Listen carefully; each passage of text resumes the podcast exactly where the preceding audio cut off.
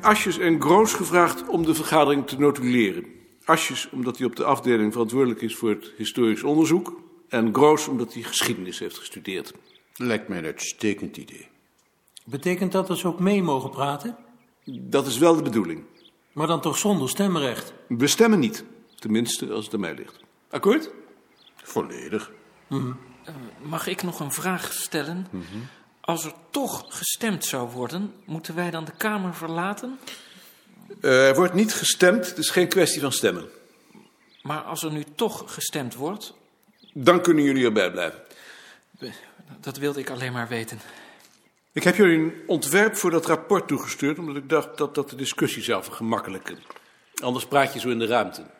Nou, ik weet niet of je daar nu wel zo verstandig aan gedaan hebt. Gut, ik vond het juist heel verhelderend. Al heb ik natuurlijk wel wat opmerkingen. Nou, ik vond het helemaal niet verhelderend. Ik kan me voorstellen dat een buitenstaander, als hij dit leest, tot de conclusie komt dat er geen enkele lijn in ons vak zit.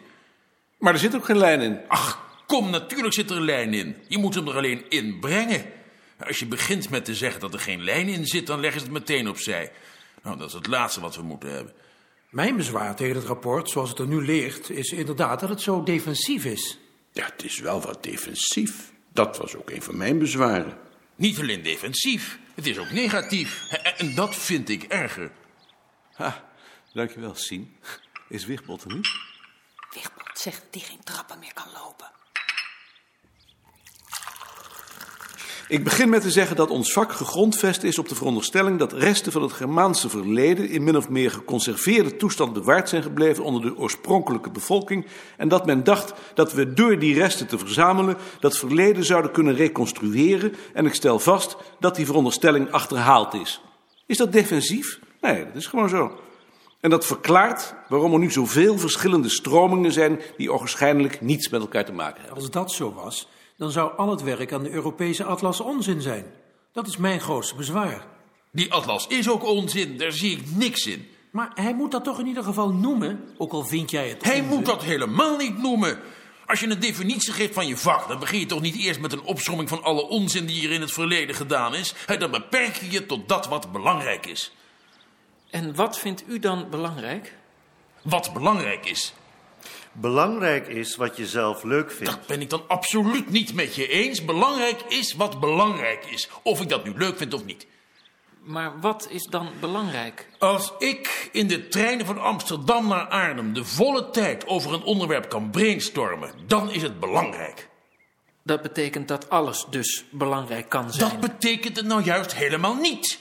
Net zo min als je kunt zeggen dat alles mooi kan zijn. Alles is niet mooi, dat is onzin om dat te zeggen. Maar het is wel subjectief. En dat is niet subjectief. En als een ander nu eens iets anders belangrijk vindt, Dan heb ik altijd nog vijf oppassers om hem eruit te trappen.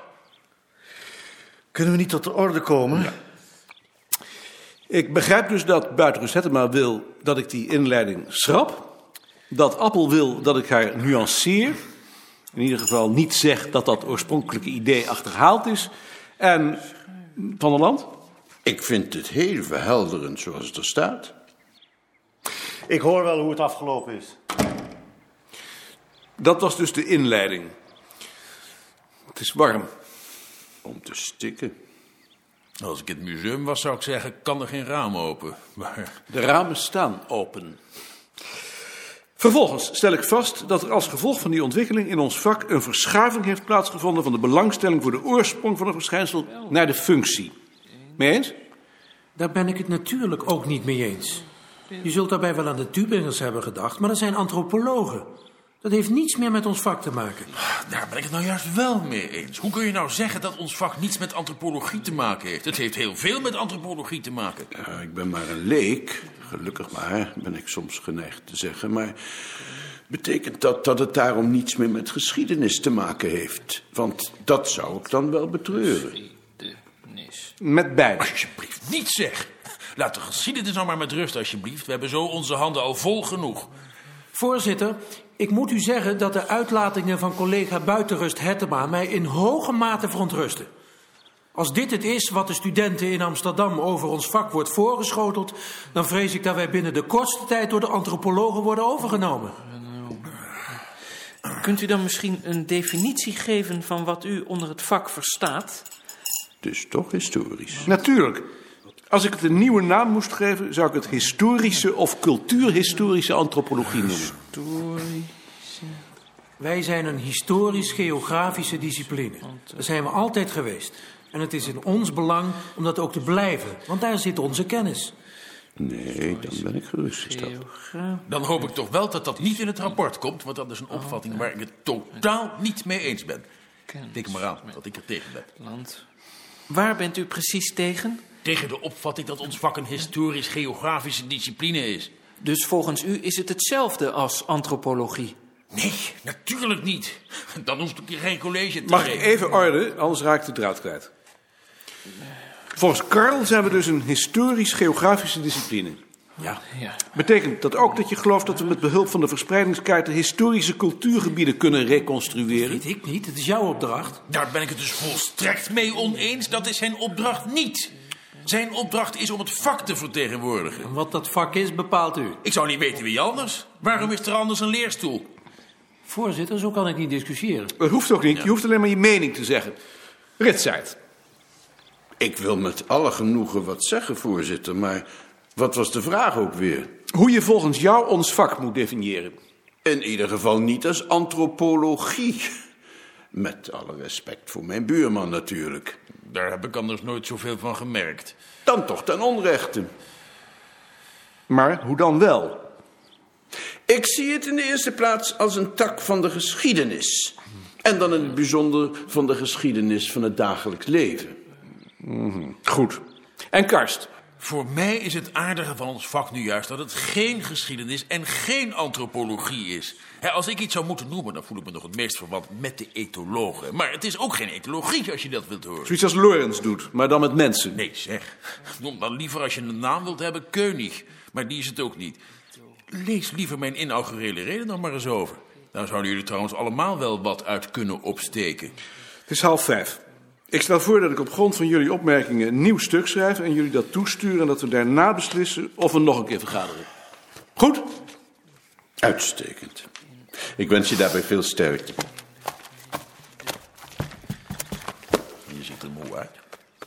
Markeert je toch niet? Nee, maar van luisteren word je moe. Dat heb ik nou ook. Luisteren is vaak vermoeiender dan praten. Dag Karel, prettige vakantie. Dank je. Greep jij iets van de uitval van buitenrust Hettema? Ik moet eerlijk bekennen dat ik heel erg schrok. Toen je eruit wilde laten gooien door zijn oppassers. Zoals hij me aankeek alsof ik een vlo was. Mijn stuk moet hem geweldig geïrriteerd hebben. Die indruk had ik nou ook. En ik denk toch dat dat is omdat je zo negatief bent over het vak. Dat is ook mijn bezwaar. Maar ik kan het toch niet opblazen als ik het niks vind, Ik vraag ook niet dat je het opblaast. maar dat ik het iets vind. Ja, anders zou ik hier niet zitten.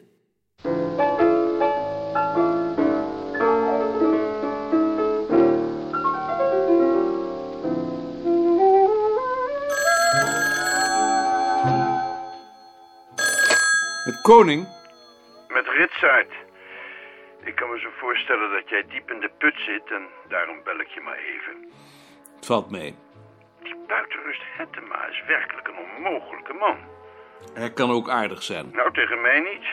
Aan mij heeft hij een hekel. Ik had de indruk dat hij eerder een hekel aan asjes heeft. Ja, en als je zo ook, maar dat kan ik me nou wel weer voorstellen. Zoals die kan zeuren. maar wat doe je nu met deze vergadering? Daar heb ik nog niet over gedacht. Heel verstandig. Drink eerst maar eens een goede borrel. Ik zal het doen. En sterkte. Dank je. Hetzelfde.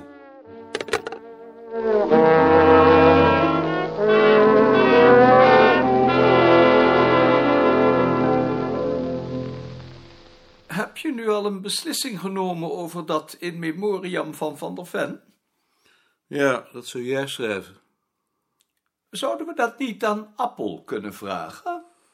Nee, Want Appel heeft hem in der tijd ook uitgenodigd bij zijn promotie. dan moeten we het zeker niet aan Appel vragen. En dat lijkt mij nu juist zo'n geschikte oplossing.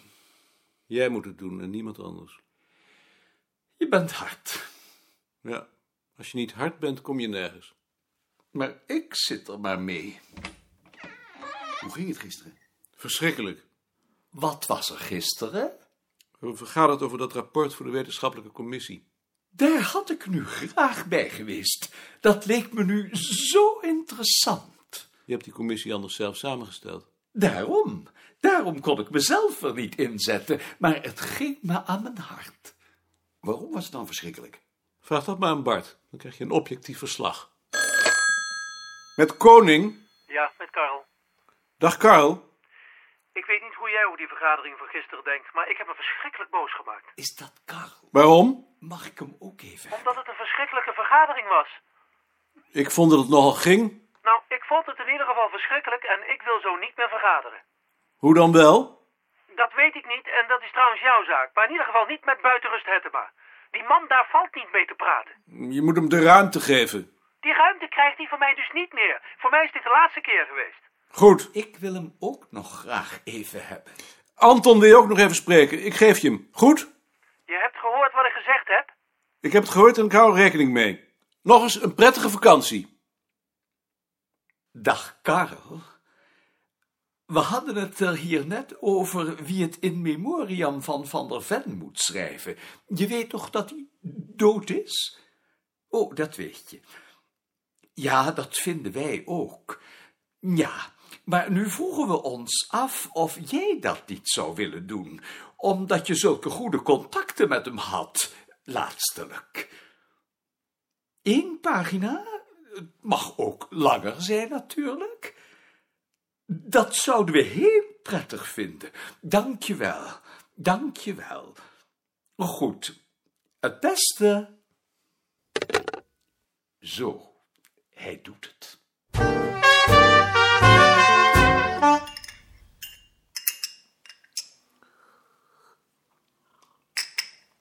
Wandelen of fietsen jullie wel eens in het weekend, Tjitske? Ja, tuurlijk. Waar naartoe bijvoorbeeld?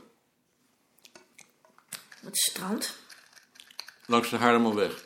Ja, Is dat niet verdomd druk? daar heb ik geen last van hoor. We hebben gisteren langs het kanaal gefietst. En toen via Sperkerboer en Knollendam terug. Vroeger was het daar verdomd stil. Maar nu is het vergeven van de auto's. Die Mannen met die stomme glazige blikken in hun ogen en allemaal een snor of een baardje. Die vrouwen verveeld ernaast, de kinderen met hun neuzen tegen het raam en tegen de achteruit.